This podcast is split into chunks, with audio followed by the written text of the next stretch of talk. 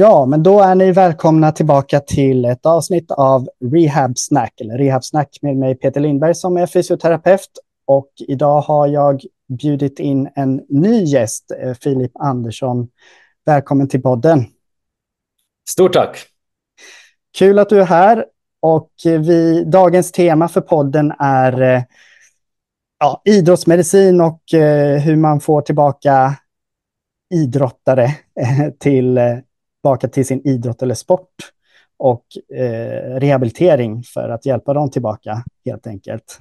Så det ska bli jättespännande för att jag eh, har jobbat inom primärvården tidigare då och där träffar man ju på, eller kan träffa på idrottare och olika typer av spelare eh, som har skadat sig och behöver hjälp tillbaka till eh, sin idrott. Då. Men det kan vara så att vi inte har möjlighet alltid att följa med hela vägen tillbaka. Så jag är spänd på att höra vad du har att säga om detta och hur vi kan hjälpa dem på bästa sätt. Eh, mm. Men innan vi sätter igång med att eh, börja diskutera så ska vi börja med att presentera dig, eller du kan få presentera dig för lyssnarna om eh, dig själv och din professionella bakgrund, vad du har gjort tidigare och vad du gör idag. Yes, uh, nej som du sa, Filip Andersson heter jag är då fysioterapeut i grunden och även utbildad till personlig tränare. Eh, jag har en specialist inom styrka och konditionsträning och sen har jag också gått en utbildning från ett spanskt universitet som jag läste digitalt eh, där det då på diplomet står att jag är specialiserad inom injury prevention och return to play, eh, det vill säga skadeprevention och återgång till idrott som då såklart är, är väldigt länkade till varandra. Eh, och jag har jobbat fyra år inom eh, professionell fotboll.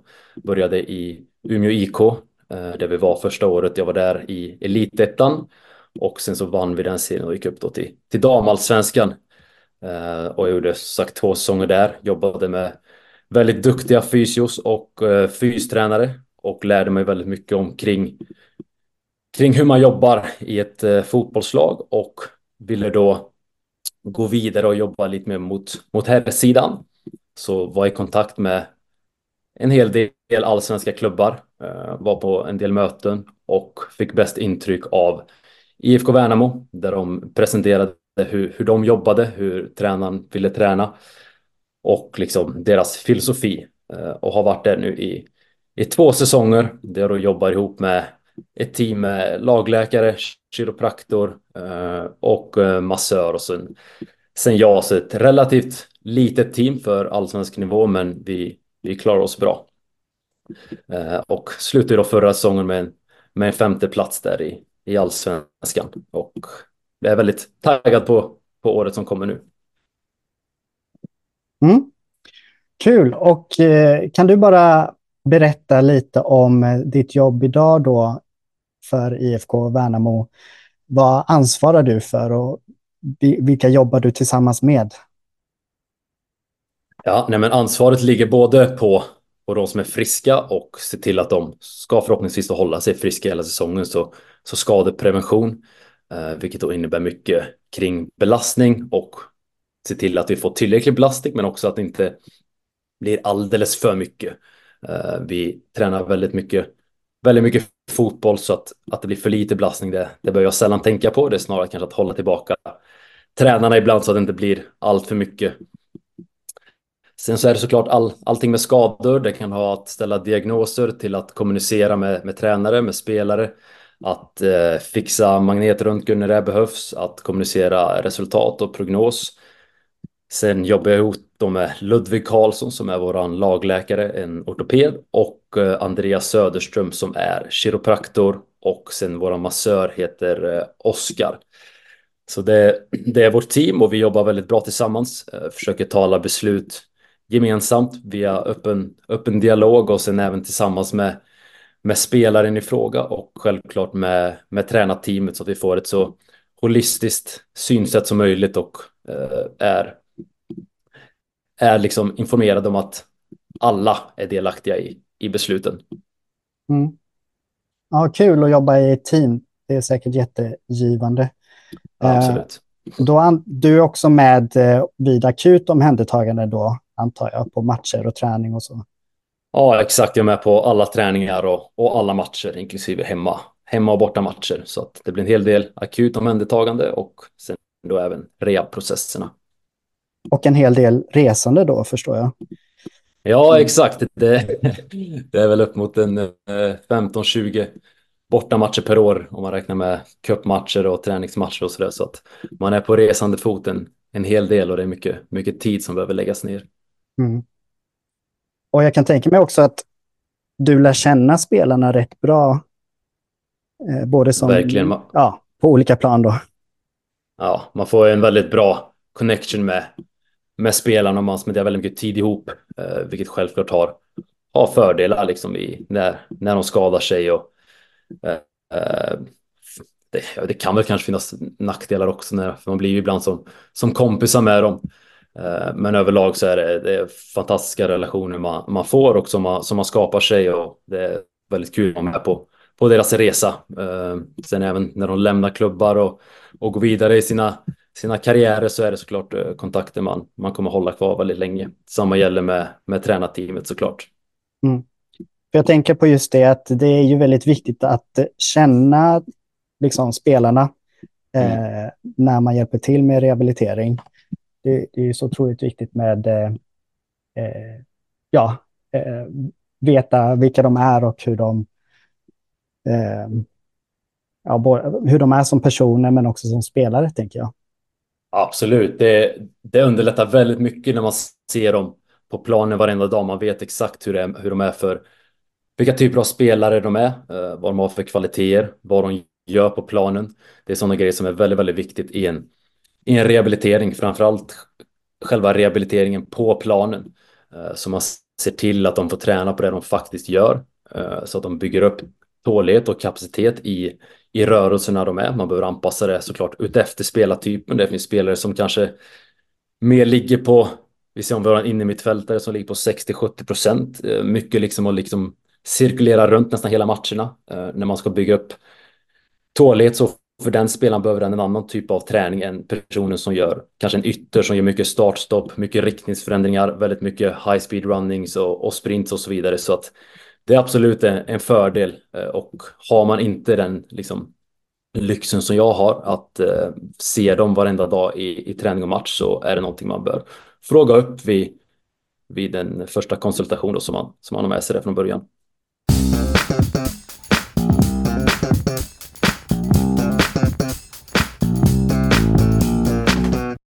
Okej, om vi går in på dagens tema då, Ehm, som handlar om eh, return to sport, eller return to play, eller return to performance. Eh, lite olika namn där och koncept. Eh, om vi börjar med att bena ut vad de betyder för någonting. Eh, vi pratade ju precis innan vi satte igång eh, inspelningen här att de eh, kan betyda lite olika saker ändå. Så om vi börjar med return to sport, vad handlar det om? Nej, men return to sport eller return to participation som man också ser eh, vissa, vissa gånger så är det ett uttryck som framförallt kanske används vid, vid när man går tillbaka till lagträning eller man går tillbaka till eller går tillbaka till träning ihop med, med en fysio, det vill säga man gör saker på planen, man går tillbaka till sin idrott. Sen så är det ofta med, med begränsningar, man kanske bara får med i isolerade övningar, man kanske inte kan vara med i något i något eh, tempospel eller matchspel om man inte är uttagningsbar till match liksom. Eh, sen så kan det i vissa, de här, de här definitionerna är inte liksom skrivna i sten och det, jag tror inte alla håller med varandra exakt vad de betyder. Eh, så det kan vara lite olika beroende på vart man läser. Om man läser forskning så är det viktigt att man eh, är medveten om vad de syftar på i just, just den artikeln. Men sen när det kommer till mer liksom return to return to play så tror jag mer tänker på att man är uttagningsbar till match. Man spelar kanske utan restriktioner eller någon typ av tidsrestriktioner. Man kanske bara får spela 40 minuter, men i alla fall att du får vara med i matchtruppen, du får, du får göra matcher. Eh, och sen return to performance, det är väl då man menar att man är tillbaka på samma nivå som man var innan innan skadan skedde och den här tiden mellan return to play och return to performance försöker man ju alltid såklart göra så kort som möjligt eh, och det är också därför man vill göra så mycket rehab på planen som möjligt se till att man underhåller de tekniska aspekterna, se till att man underhåller de kardiovaskulära eh, bitarna som är så himla viktigt både ur ett skadeförebyggande perspektiv men också utifrån ett prestationsperspektiv. Eh, så där har du lite, lite definitioner på dem men som sagt det är lite olika beroende på vart man kollar. Mm. Och det är så det, bru det brukar se ut. Eh, men inom forskning, precis som du sa, så är det ju viktigt ändå att man har definierat det fenomenet som man forskar på och som man drar slutsatser om. Absolut. Så om, om någonting ökar förmåga att återgå till ja, return to sport, kanske skiljer sig jämfört med eh, möjlighet att återgå till performance till exempel. Då. Absolut, så är det. Ja. Um, ja, ja, men vad bra. Då har vi benat ut det lite grann. Och vi, de här går väl, alltså de hänger ihop med varandra såklart. Ja. Sen, eh, sen nu, på, nu på senare tid har man nästan också försökt nästan ta bort definitionen av dem och mer se det som en att return to sport eller return to play är mer som en process eh, där man då jobbar över över hela rehabtiden så i princip från det du skadar dig till det att du är, är tillbaka helt är en return to play process så att man ser mer ser det nu för tiden som ett ja, men som ett kontinuum än, en, en ren definition. Just det, ja men det låter ju vettigt ändå. Eh, för jag tänker också att de här kan ju skilja sig beroende på vilken patient man har framför sig. Du jobbar ju liksom med elitspelare då men om man är på en lite lägre nivå, kanske mer på en motionsnivå, så kanske det eh, ser lite annorlunda ut ändå. Um, mm. Absolut. Uh, själva definitionen blir ofta samma, men det är ofta inte samma kontextuella faktorer uh, på, en, på en mer amatörnivå. Då. Det blir inte samma press på, på liksom spelaren att komma tillbaka. Det, det finns mycket andra frågor som man kanske inte alltid tänker på. Det finns eh, kontraktsfrågor och det är, det är pengafrågor. Det är mycket press från folk runt omkring som eh, fans och det är tränare kan det vara. Det kan vara folk runt om klubben och i klubben. Eh, så att överlag är det nog mer grejer runt omkring som påverkar vid eh, desto högre upp man kommer. Eh, men själva liksom rehaben bör ju se någorlunda lik ut. Det man ser i, i forskningen är väl att man ofta går tillbaka tidigare på, på, en, eh, på en lägre nivå. Eh, vilket då kanske också tyder på att de inte får, får den hjälp de behöver. Nej, just det, precis. Och kanske inte har tiden heller riktigt att lägga ner på rehab. Alltså den tid som... Nej, exakt. Och sen kanske de inte heller alltid har samma motivation. Nej. Det är ju det är en fördel man har när man jobbar med, med de som jag gör, att det är ganska sällan jag behöver tänka på, på just compliance. Det är snarare ofta man behöver, behöver bromsa dem och berätta för, för dem hur viktigt det är med, med återhämtning och att vi inte kan träna hela tiden utan du behöver vila och din kropp har en egen läkningsprocess som vi måste respektera och att bara för att du vilar en dag så är inte det att vi gör någonting långsamt utan det, det är högst nödvändigt. Eh, så att det kanske skiljer sig åt en hel del och att på på lägre nivå så är det mer tvärtom, att man behöver, behöver pusha medan eh, jag mer behöver bromsa ofta. Just det, Sen, sen skiljer det sig självklart mellan spelare på, på alla nivåer. Det finns såklart spelare man behöver bromsa på, på även en lägre nivå och samma tvärtom som jag behöver pusha på, på den här nivån. Ja, precis.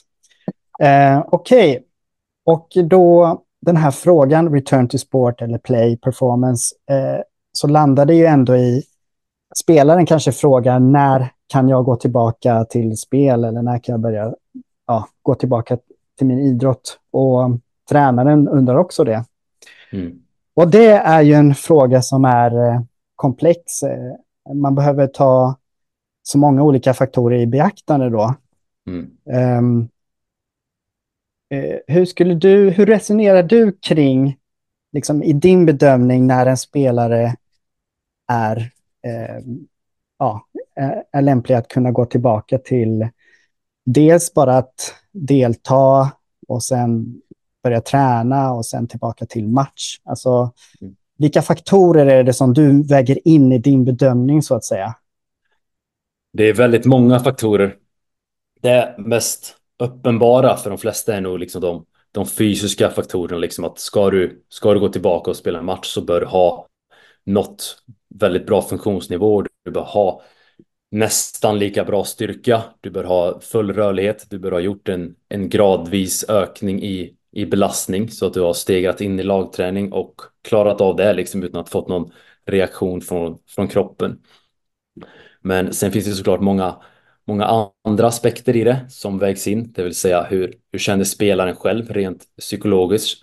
Kan de lita på strukturen som är skadad? Har de rädsla för att dra upp det igen? Hur motiverade är de att komma tillbaka? Sen finns det andra saker som runt vilken tid på säsongen är vi? Allting vägs ju ihop och det blir som en risk-reward ratio som skapas eh, från, från alla parter. Eh, det är kanske mindre lämpligt att ta någon typ av chansning på en försäsong än vad det, vad det är i säsong. Och man kanske kan chansa mer om vi har tre matcher kvar på säsongen.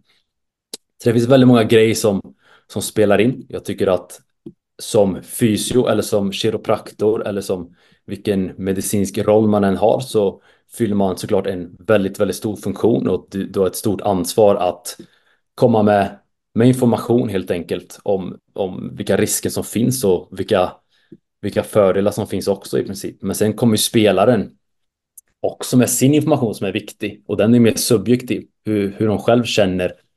Känner de sig redo att spela? Känner de att de litar på, på sin kropp? Och sen så kommer ju ofta tränaren och tränarstaben med, med sin del, vilket är ofta mer en eh, kontextuella faktorer och hur, hur, väl kan spelaren ens prestera, hur, hur han sett ut i träning. Eh, har han och kan han prestera på den nivån han har gjort innan och hur, hur ser vårt schema ut, hur, hur viktig är den här matchen kontra kommande matcher och så vidare. Så att det är väldigt mycket som, som vägs in och inget fall ser, ser exakt likadant ut. Eh, och man behöver så, såklart ta i, ta i beaktning eh, varenda olika varenda gång man, man låter någon gå, gå tillbaka till idrott. Och jag, mm. kan, jag kan ge dig ett exempel från hur vi hade ett, en situation förra säsongen. Bara för att ge en bild av hur, hur man kan resonera. Så hade vi då en spelare som hade en baksida lårskada, en ganska, ganska rejäl, en grad 2 liksom. Det var en prognos på, på fyra, fem veckor. En väldigt viktig spelare, en väldigt explosiv spelare. Sen hade vi en match som var precis på gränsen. Det var, detta var fyra och en halv vecka efter han skadade sig. Alla fysiska tester klarade han. Han klarade liksom alla styrketester och, och rörlighetstester och, och funktionella tester. Men det hade inte varit en optimal liksom. Han hade en ganska hög liksom akut, acute chronic workload ratio om vi nu ska prata om den. Så det hade ju varit en ganska hög, hög spike i, i belastning. Och grejen var med den här matchen att det var väldigt tufft motstånd så att tränarna ville såklart väldigt gärna ha med honom. Men samtidigt så efter den här matchen så var det ett landslagsuppehåll. Så vi vägde dem mellan att han är med och spelar kanske 30-40 minuter den här matchen och har fått en 4,5 veckors rehab versus om man vilar den här matchen så är det två veckor kvar till nästa match så då kommer vi landa på en rehab på 6,5 vecka. Så det fanns ju väldigt många olika faktorer där men i ett sånt fall när du står mellan två två extra veckors rehab så väljer vi då att, att den här spelaren står över matchen, får rehab i lugn och ro, stegras in i lagträning och gör en fantastisk höstsäsong sen och, och bidrar med väldigt många poäng så att jag tror alla att i slutändan var väldigt nöjda med, med det beslutet. Mm, ja, men det var ju ett bra exempel där och jag tänker det här äh, med att tänka just kortsiktigt och långsiktigt är ju någonting mm. man behöver göra hela tiden i, och ta ställning till i de här bedömningarna. Och, så, och mm. Ibland då så är, är, det kanske viktigare att tänka långsiktigt. Och på kort sikt så innebär det kanske eh, att man eh, inte får spela, men på, på lång sikt så kan man ändå tjäna på det. Eh, Absolut. Mm. Uh, sen så hade den här matchen varit när det var tre matcher kvar på säsongen, då hade vi kanske tänkt annorlunda allihopa.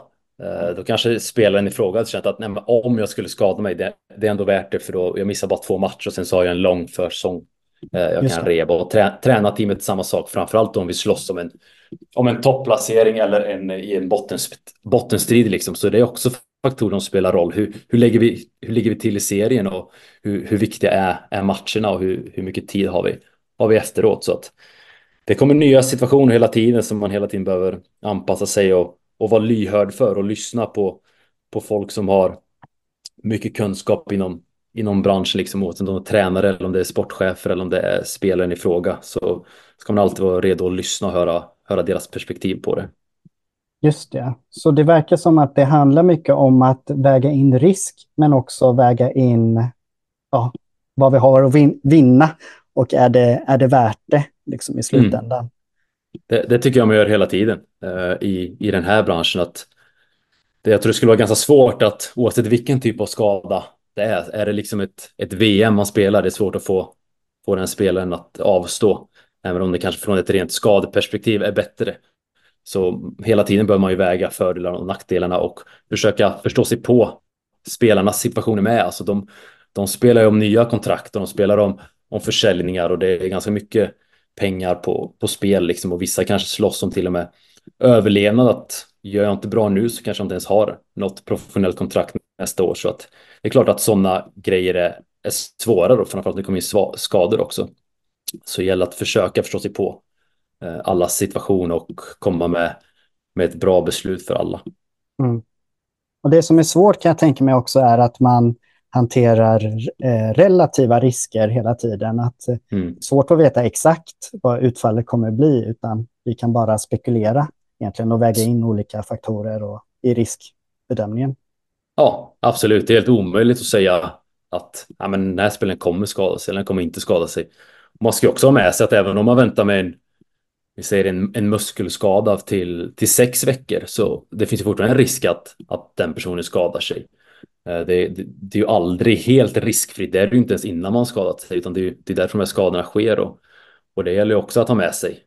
Eh, så nej, det är hela tiden gäller att, att tänka och försöka ta gemensamma beslut, eh, lyssna på, på alla involverade helt enkelt. Mm. Okej, okay, men då, det är många faktorer som sagt och man kan ju, det som jag hörde nu när du berättade här, att du pratade om dels att man pratar om fysiska faktorer, det vill säga dels eh, liksom skadan i sig, hur allvarlig är den och prognos, eh, men också hur är fysisk status överlag gällande den här spelaren, till exempel. Ehm, så inre och yttre faktorer. Men sen pratar du också om psykologiska faktorer och vad, vad spelaren tycker och motivation och eh, hur, hur mycket den litar på sitt knä eller vad det nu handlar om eh, oro och, och rädsla, motivation. Eh, och sen var det även kontextuella faktorer såsom eh, det här med timing eh, som du pratade om senast då, om att man väger in det när på säsongen det handlar om. Och sen eh, tränare och, och andra i teamet då. Eh, så det är många olika aspekter där. Är det någon annan, eh, eh fick jag med allting där? Som liksom... Ja, det, det, tycker jag. Sen det sista är väl snarare liksom tekniska faktorer. Hur, och det är mer vilken form är, är spelaren i rent, rent eh, idrottsspecifikt. Har han varit borta länge har han tappat sin, sitt tillslag och, och, sin touch och så vidare. Och det är ju kanske snarare en bedömning från eh, av tränaren att göra, liksom är han tillräckligt bra för att spela. Eh, men det, jag tycker det är vårt ansvar att till att, eh, att han är så, så bra som möjligt på de grejerna när, när han kommer tillbaka.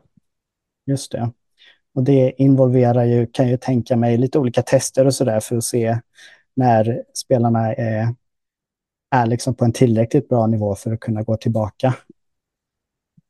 Menar du rent fysiskt eller menar du tekniskt nu? Uh, ja, bra fråga. Jag tänkte nog framförallt på fysiskt, att man kollar av, ja men exempelvis eh, vill man ju, det finns ju sådana här cut-off values, att man ska nå upp till en viss procent av det friska mm. sidan i muskelstyrka i quadriceps exempelvis, eller hamstrings, eller vad det nu kan vara för någonting.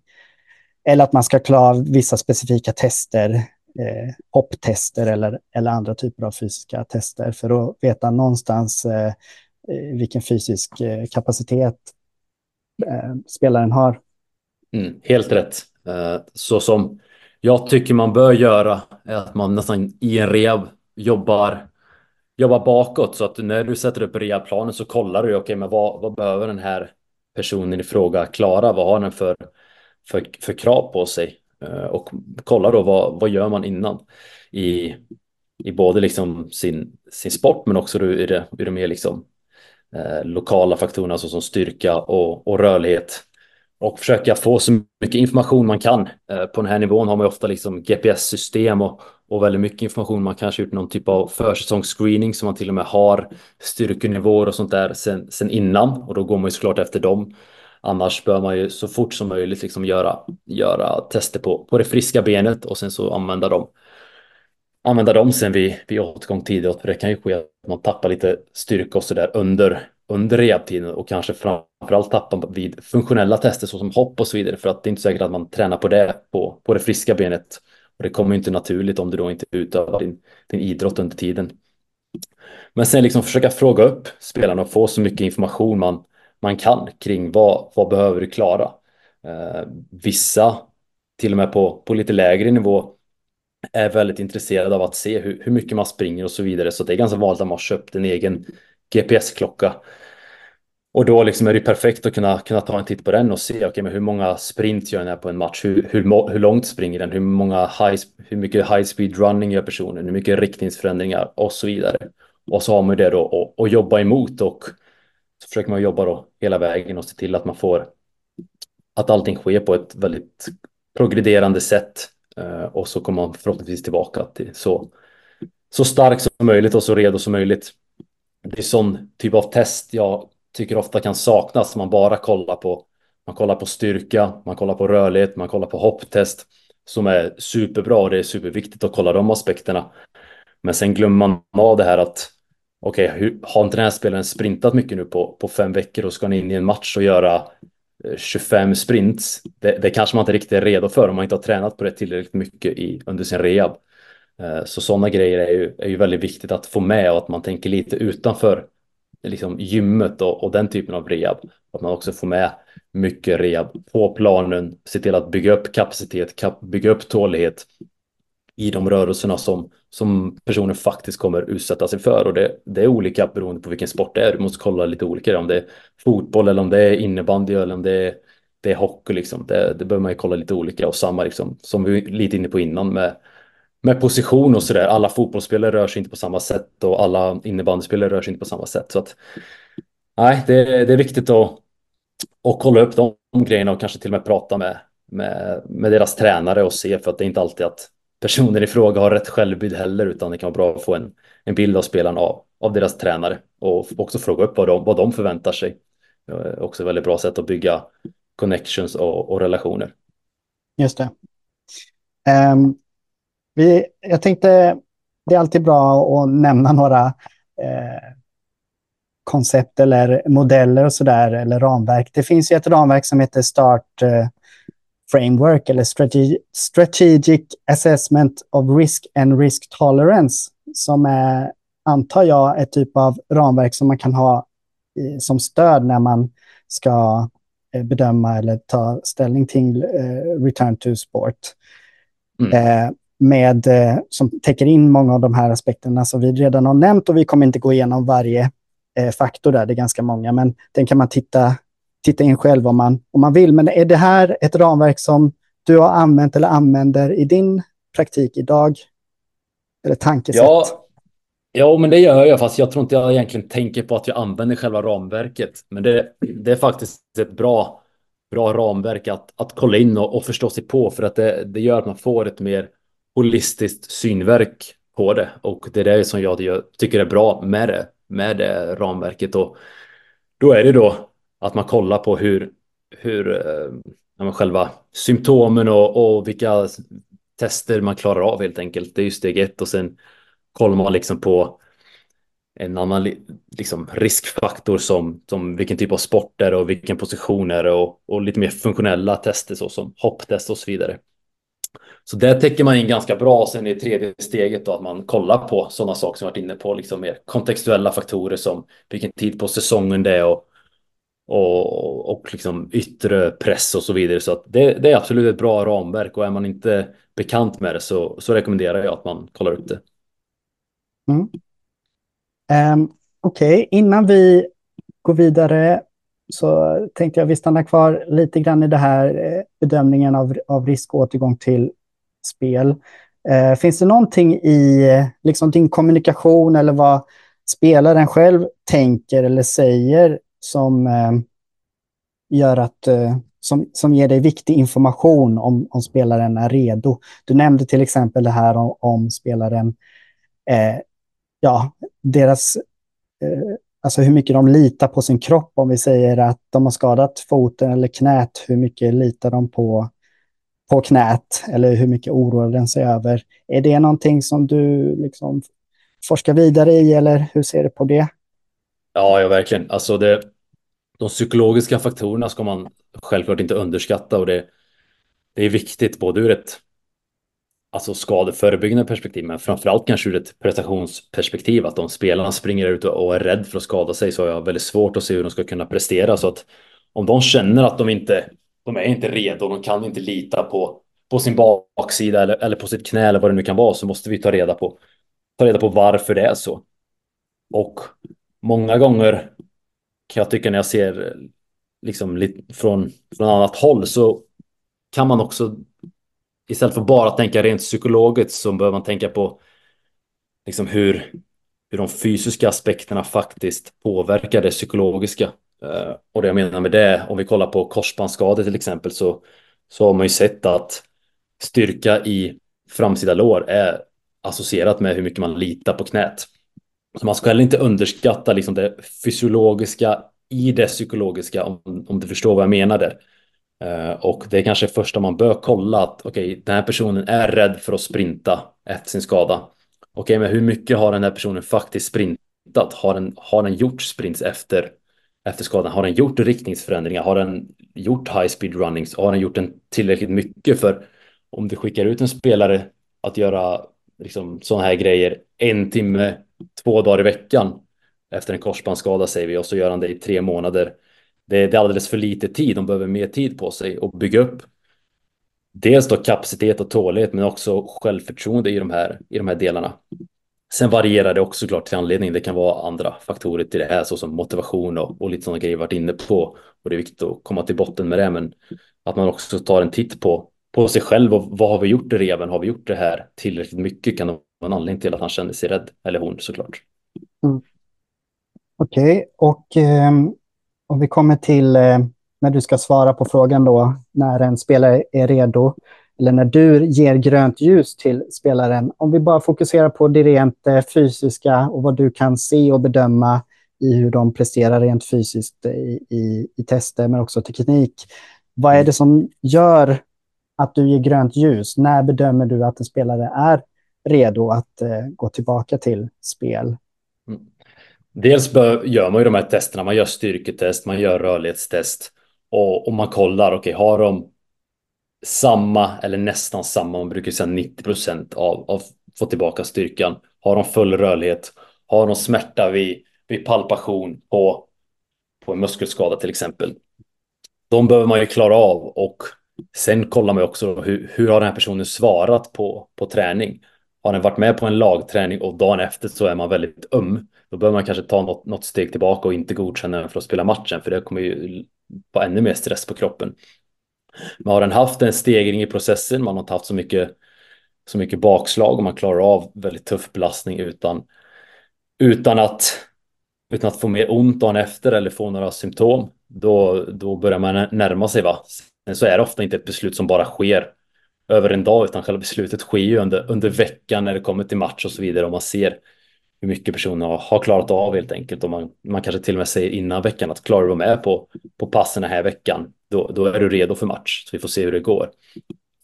Uh, men det är inte alltid liksom att man säger att på, på fredag om, om uh, tre veckor så tar vi ett beslut om du kan spela eller inte, utan det är ju själva beslutet är också en process uh, i de allra flesta fallen.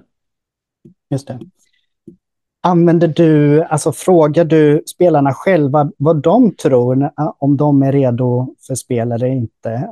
Alltså jag tänker eh, i, om man frågar eh, hur på, på en skala 0 till 10, hur redo, hur redo känner du dig att gå tillbaka till spel exempelvis? Är det ja, någonting som det, du frågar? Det, det, frågar jag varenda gång. Eh, eller nästan varenda gång. För ibland får man i och med att jag träffar dem varenda dag så får man ju den uppfattningen själv under rehaben. När de, när de, de brukar kunna säga det kanske en och en halv, två veckor innan, innan de ens är redo, att jag, jag känner mig redo. Eh, så det är alltid någonting jag, jag frågar upp, eh, eller som, som jag vet om i alla fall, eh, innan jag släpper tillbaka dem. Mm. Ja, eh, väldigt spännande ämne som vi hade kunnat såklart prata mer om. Men jag tänker att vi ska få med lite grann kring hur du också tänker kring rehabiliteringen då på lite mer övergripande plan. Och då finns det ju olika faser såklart. Eh, det finns ju den akuta fasen och direkt efter att spelaren har skadat sig. Och eh, mittenfasen när eh, man kan börja och belasta lite mer. Och sen lite mer mot slutet när man ska förbereda spelaren på mer idrottsspecifik rehabilitering och återgång till spel. Då. Jag skulle bara vilja höra hur du tänker rent konceptuellt eller övergripande för de här olika faserna. Vad tycker du är viktigt att tänka på liksom, i rehabiliteringen? Och, och, där får man ta ställning till eh, smärta och svullnad och sådana grejer eh, mm. som kan påverka hur man resonerar och likväl liksom, hur mycket ska man gasa, hur mycket ska man bromsa och hur viktigt är det med vila och återhämtning eh, och sådär. Um, och eh, även här finns det ju ett typ av, eh, eh, vad ska man säga, underlag eller eh, modell eller ramverk som heter ATC i sitt. Det står för eh, Avoid Aggravation, Timing, Compliance, individualization, specific sequencing, intensity och total patient. Um, avoid aggravation handlar ju då om att uh, man, det är viktigt att uh, Eh, respektera skadan och försöka att inte aggravera den allt för mycket. Timingen handlar om att det är viktigt att påbörja rehabiliteringen tidigt då, men också eh, att eh, ta den här vila och återhämtning i, i eh, beaktande. Compliance, ja, det är viktigt att eh, spelaren och patienten följer rehabiliteringsplanen och där är det viktigt med instruktioner och målsättning och motivation. Individual, individualisation säger sig självt, det är viktigt att rehabiliteringen ska anpassas efter individen och individuella förutsättningar. Eh, specific sequencing att träningen ska vara anpassad och stegras, ha en specifik progression då, anpassad till tillståndet. Intensity, att rehabiliteringen ska läggas på rätt nivå som är anpassad. Den ska inte vara för lätt, utan den ska ju vara utmanande, men samtidigt eh, inte för mycket belastning om det är så att man förvärrar tillståndet. Och total patient, att ha ett holistiskt eh, perspektiv där man också väger in eh, psykologiska och kontextuella faktorer. Är det något sånär bra sammanfattat kring det, skulle du säga? Jo, men det tycker jag. Eh, den tar upp väldigt, väldigt många grejer och tar ju, tar ju upp de viktigaste grejerna. Sen ska man ju inte heller... Det är klart att man kanske inte vill aggravera det för mycket, men om det nu händer någon gång att, att man tränar på, man, man går kanske råkar gå lite för långt och personen får ondare dagen efter så ska man också veta att det, det är inte hela världen och, och, det där händer i framförallt kanske vid, vid muskelskador och den typen av reben. Och då är det bara att liksom ta lite extra återhämtning och låta kroppen bygga upp sig på nytt. Liksom att ta två, tre dagar off. Det är inte samma sak som att man har dragit upp skadan. Eh, så jag tycker det är väldigt viktigt att man, man kollar på de här med, med ett eh, lite kritiskt öga och använder det mer som ett, som ett stöd än att, än att följa dem följa dem rakt av och detsamma gäller ju lite det med, med de olika typer av, av faserna som finns, som finns i rehaben. Mm. Um, vad skulle du säga är några av de vanligaste utmaningarna i rehabilitering eh, eh, av idrottare återgång till spel? Största utmaningen där, det är ju, det är ju faktiskt det vi varit inne på, det är att besluta när, när, när de är helt redo. Eh, Sen såklart det finns alltid utmaningar med, med olika personer. Alla är ju såklart väldigt olika. Eh, vissa är liksom väldigt, väldigt rädda av sig. Vissa, vissa är helt tvärtom. Så att, jag skulle inte säga att det är så mycket stor skillnad mot utmaningar i, i övrig typ av, av rehab med andra personer, utan det, det är personer som, som alla andra och eh, ja, man, måste, man måste se till individen precis som, precis som hos, hos alla man jobbar med. Och det är ju alltid såklart en, en utmaning att, att eh, ja, men få tillbaka dem så, så, så bra som möjligt och, och få dem att lita på skadan och allt det vi varit inne på. Mm. Hur skulle du säga att du förhåller dig kring smärta under rehab och träning och eh, svullnad? Men vi, ska, vi kan börja med smärta. Eh, hur kommunicerar du det med, med patienten eller med spelaren? Eh, när är det okej okay att ha smärta vid träning och när inte och, och sådär? Ja, det, det ska man också liksom hantera deras förväntningar och säga liksom från början att förmodligen kommer du känna liksom smärta Eh, framförallt i början av reven. Eh, sen ska de absolut aldrig lida eh, och känna jätteont, men här varierar det också väldigt mycket. Vissa spelare känner sin kropp väldigt, väldigt bra. Vissa känner den inte alls så bra. Det är inte så ovanligt att jag hör om vi kör rehab och jag frågar hur känns det? De säger nej, men det gör lite ont, men jag känner ju själv att det är ingen, det är ingen fara och då väljer jag att lita på det. Är det, men det är också lika vanligt att göra, eller kanske mer ännu vanligare att de säger ja, jag, jag känner ju av det, men jag vet inte hur det ska kännas. Så då får man ju gå på lite sådana här skalor överlag. Liksom fyra av tio tycker jag brukar vara bra, att de inte ska ha mer ont än det. Sen beror det också på vad är det för typ av skada. Det är många grejer som, som spelar in här. Vad, vad gör vi för övning? Jag är ju betydligt mer accepterande att de har smärta vid, ett, vid en övning i gymmet eller om de har smärta när de, när de ska göra en sprint för att det är betydligt mycket större skaderisk att dra en baksida när man, när man gör en sprint eller en riktningsförändring framförallt. Eh, framförallt då efter, efter, en, efter en skada.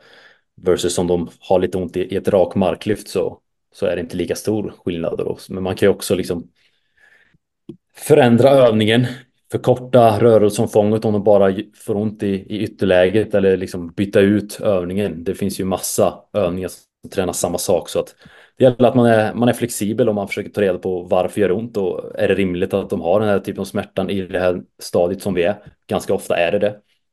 Men så också förstå att vi kan inte pusha det här för mycket för att då kommer de ha väldigt ont i imorgon och dagen efter och det kommer liksom bara eh, göra att reven går långsammare i, i slutändan. Så att var lyhörd, fråga hur, hur spelaren själv känner, hur ont har de, vad är det för typ av övning och liksom samma här, ta in så mycket information du kan och, och gör ett, gör ett uh, smart beslut. Mm. Ja, men det tycker jag låter bra och eh, jag gillar, jag gillar att du tar upp det här med flexibiliteten och att man kan utforska, att det finns andra sätt att göra övningen på um, och inte, inte släppa det direkt uh, och undvika det. Så det är, det är jättebra. Um, annars gällande smärta, har du någon sån här tumregel som du brukar säga, alltså hur spelaren ska tänka kring hur länge smärtan eh, får kvarstå om den ökar under träningen? Liksom, vill du att den ska vara tillbaka till som det brukar vara till dagen efter eller hur länge får smärtan vara kvar liksom, efter träningen? Det beror också lite på vilken typ av skada vi, vi pratar om, men precis som du säger att eh, en tumregel som är som är ganska bra är ju att ha att dagen efter så ska det kännas eh, ganska bra igen och, och gör det inte det, men då, då får vi liksom, då gör vi ingenting den dagen, utan då, då ger vi kroppen en dag till att återhämta sig på. Samtidigt snackar vi om en, en skada som någon typ av tendinopati, om det nu är hopparknä eller om vi snackar hälsena, så, så kanske man har ondare dagen efter och det kanske också är det man förväntar sig, framförallt vid morgonen och morgonsmärta och stelhet och sådär. Så det beror ju helt på vilken, vilken skada det är vi pratar om och, och vad vi har gjort dagen innan. Eh, vid, vid scener och sådär så, så är det mer att man förväntar sig att dagen efter kanske då man faktiskt mäter eh, smärta och hur, hur, vi reagerar på det. Mm. Och det är inte så att vi kanske behöver stå över träningen bara för att man har ett hopparknä som gör ont en dag liksom, utan då kanske man kan pusha lite mer. Men reba vid ett, ett korsband istället, så då kanske man behöver vara mer försiktig och låta, låta kroppen få en extra dag vila. Mm. Ja, och eh, nästa utmaning eller det man behöver hantera då, eller ta ställning till under rehabiliteringen som kan vara vanligt efter skador är ju svullnad. Svullnad i fotled eller svullnad i knät. Um, Hur förhåller du dig till svullnad eh, i rehabiliteringsprocessen? Ganska likt smärta faktiskt. Uh, vill att den ska lägga sig efter träning. Uh, är den kvar liksom några timmar och sen har den lagt sig morgonen efter. Okej, okay, då kanske vi tar det lite lugnare uh, den dagen, men man kan fortfarande göra någonting. Är svullnaden kvar och den inte har lagt sig, okej, okay, då gjorde vi förmodligen lite för mycket dagen efter. Men kom ihåg också att okej, okay, det är inte farligt att vi gjorde lite för mycket igår, utan vi testade gränserna, vi försökte pusha eh, och nu fick vi ett litet bakslag om ni vill kalla det det, men det är ingen skada som har gått upp på nytt nödvändigtvis, utan då låter vi kroppen återhämta sig och göra sitt och sen så kommer den förmodligen med största sannolikhet lägga sig inom, inom någon dag och då går vi på lite lättare igen och, återigen gradvis försöker bygga upp belastning på ett, på ett stadigt sätt. Mm. Och håller du en, en eh, kontinuerlig kommunikation här med eh,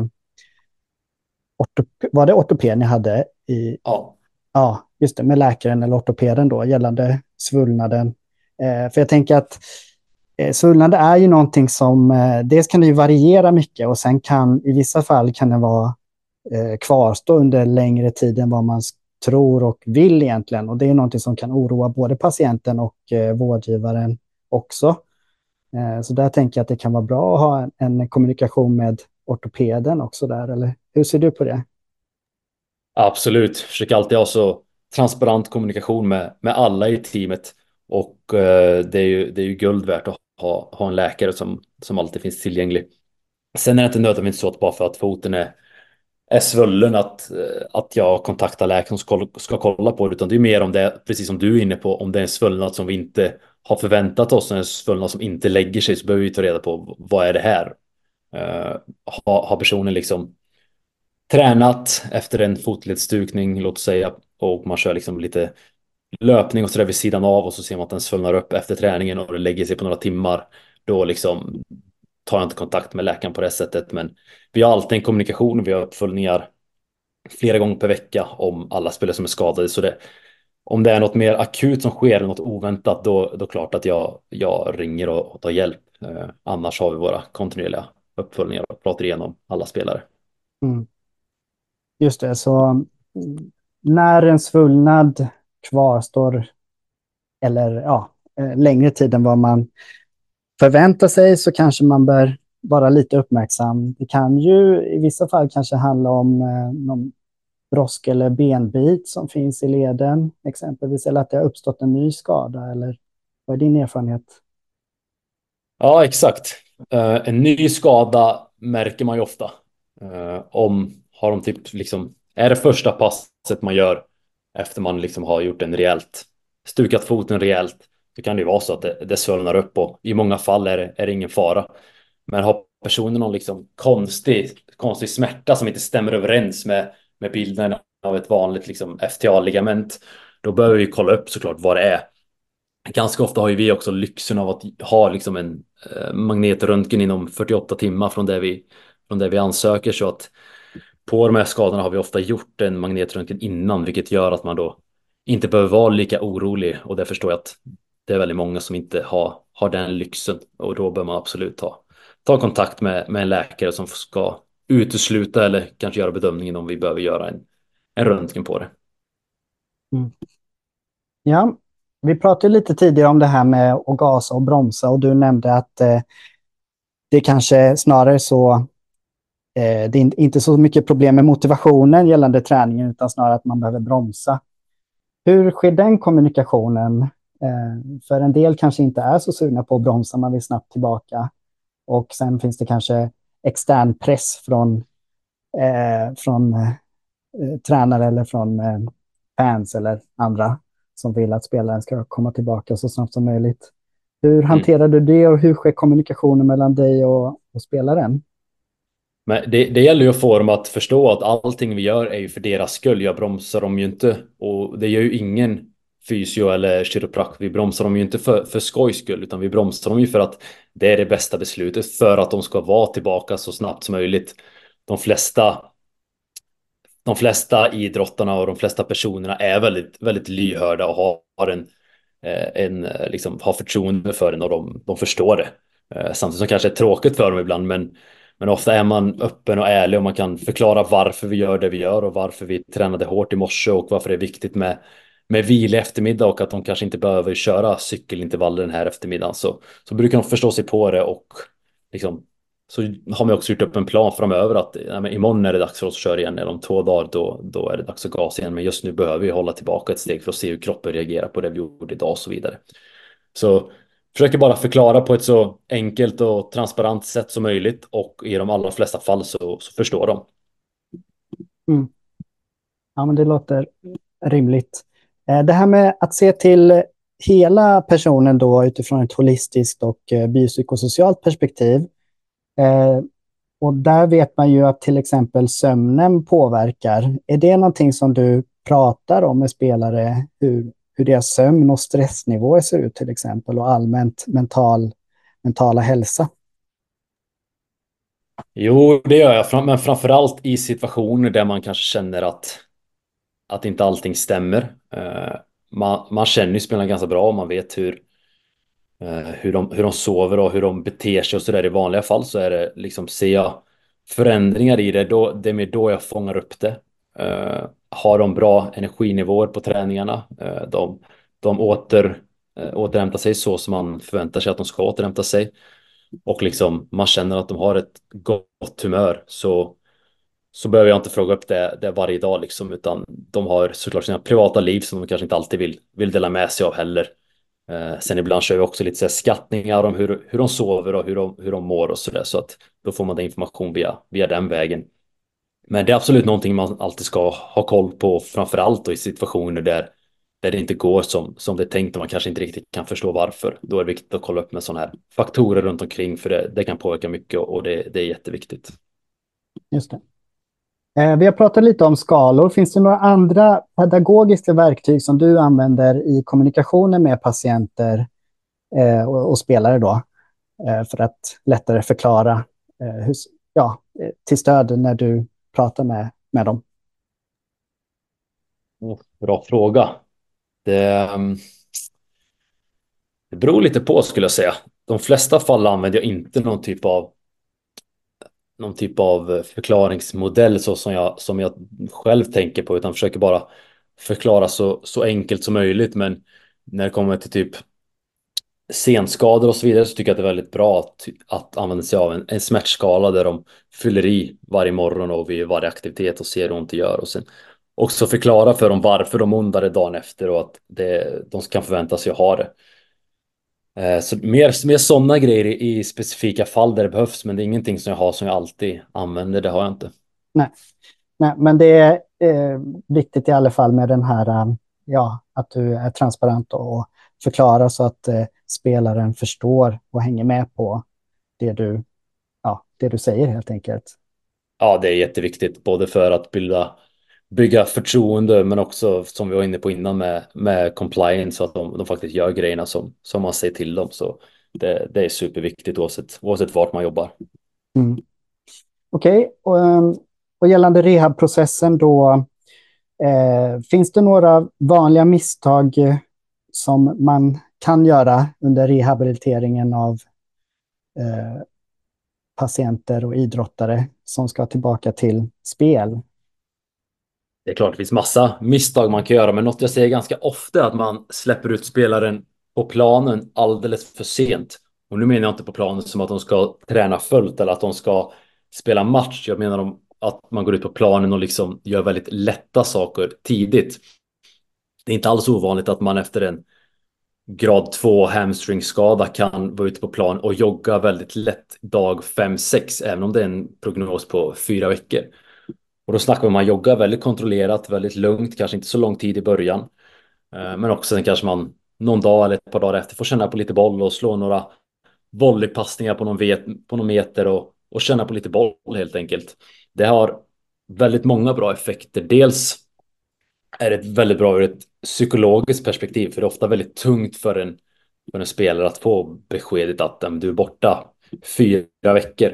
Får man då liksom efter fem, sex dagar snöra på sig fotbollsskon igen och känna på lite boll så, så börjar man se ljuset i tunneln och det, det brukar vara väldigt skönt för dem. Så det är en grej. En annan viktig grej är att du också, som vi var inne på tidigare, man underhåller de här tekniska aspekterna när du börjar med det så tidigt. Du hinner inte tappa touchen, du hinner inte tappa tillslaget, du kan bygga upp timing.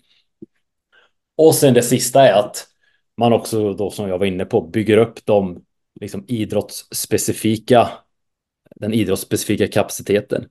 Du kanske kan jogga 4-5 kilometer efter en vecka, även fast det är väldigt lugnt tempo, men du får in meter och sen gradvis så stegrar du. Du stegrar till att jogga snabbare, du stegrar till att kanske lägga in några riktningsförändringar, lägga in lite mer boll, till att liksom sen också lägga in alla de här eh, mentala bitarna eller mer de spatiala förmågorna som att lägga in eh, oplanerade riktningsförändringar och beslutsfattande och, och reaktionsförmåga och liksom rör sig mot ett mer kaotiskt tillstånd helt enkelt eh, som efterliknar, efterliknar matchen.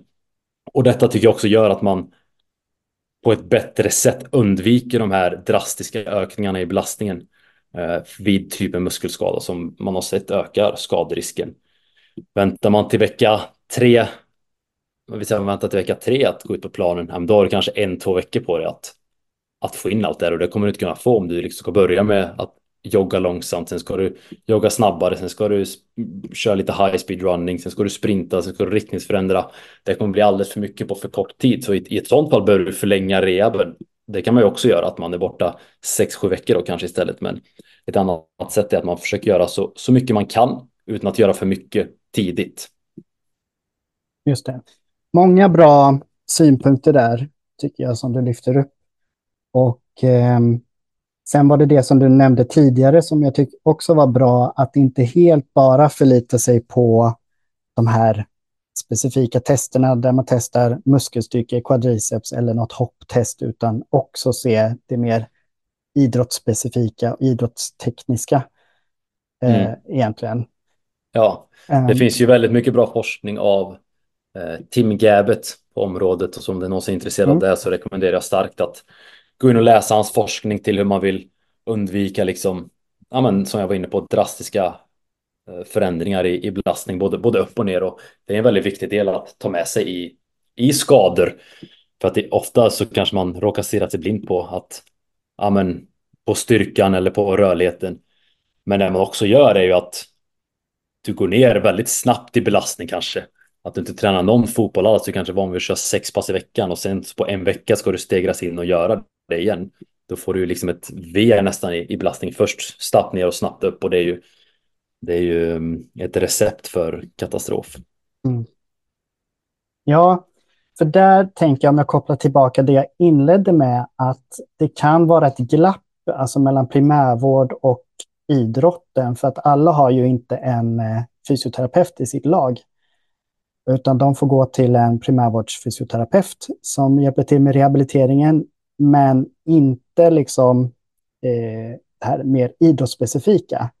Mm. Så just eh, apropå det du säger då, att där finns det en risk kanske att man, man kör sitt i gymmet där, rehabövningarna, och sen förväntar spelaren kunna gå tillbaka och, och träna som vanligt. Att det kan ja, vara ett glapp där då mellan man kanske inte Precis. har byggt upp toleransen i belastning eh, utifrån det som krävs för den idrotten.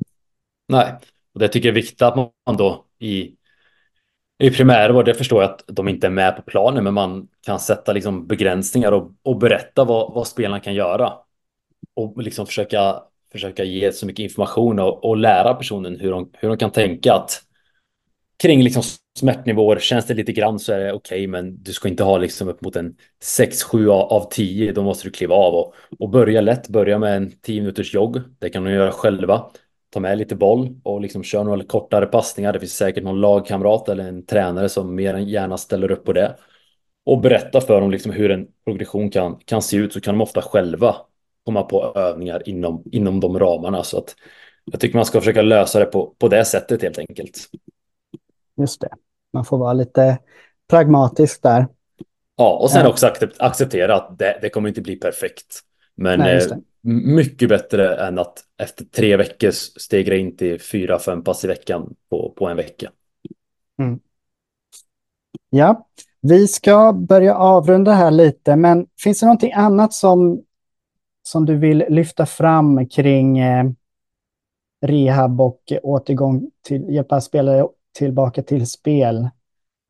Antingen något vi redan pratat om eller något som vi inte har pratat om. Uh, nej, men lite kring, kring de här faserna som finns. Uh, att man inte heller ska stirra sig blint på dem, för de är ofta ganska fyrkantiga. Att man ska, man ska klara fas 1 och då ska man inte ha någon smärta, man ska inte ha någon svullnad och man ska ha full rörlighet och då går man vidare till fas 2 och då börjar man med styrka då och så börjar man med liksom kanske muskeluthållighet och sen går man in på mer hypertrofi och sen maxstyrka. När man klarat det går man till steg 3, vilket då är idrottsspecifika och steg in i träning och sen steg fyra brukar ju handla om då prevention.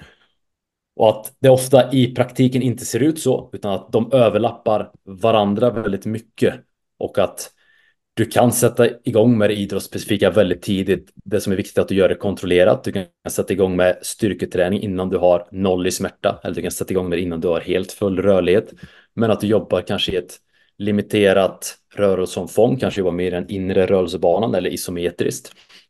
Så att man också är transparent där och förstår att de här faserna kommer överlappa sig och snarare än att kanske se dem som faser finns det något nu som har kommit lite senare som man kallar för kontroll till kaos kontinuumet. Vilket då handlar om att i början så jobbar man med allting väldigt kontrollerat.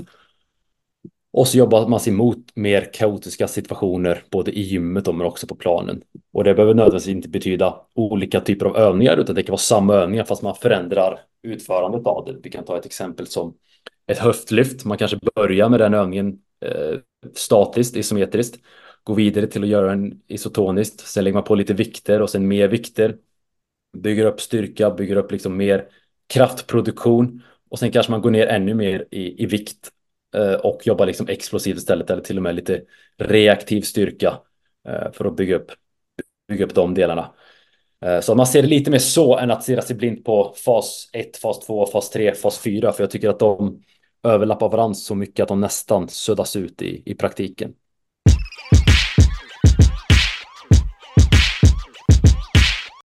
Eh, Okej okay, Filip, eh, vi har pratat om eh, eh, lite mer på övergripande och konceptuellt, vilket jag tycker är, är väldigt bra. Eh, man kan ju dyka ner såklart eh, mer specifikt eh, gällande olika skador och sådär. Men Eh, eh jag är jättetacksam och har lärt mig massa nya grejer, vilket jag brukar göra. Eh, så att, eh, och det hoppas jag att ni som lyssnar också har lärt er någonting. Ehm, om man vill komma i kontakt med dig på något sätt, Filip, hur går man tillväga då? Antingen skriver man på mail, vilket är, jag sa med PH, så det är Filip Andersson med tre N på slutet, så du lägger till två N då på ett vanligt Andersson och sen är det at gmail.com.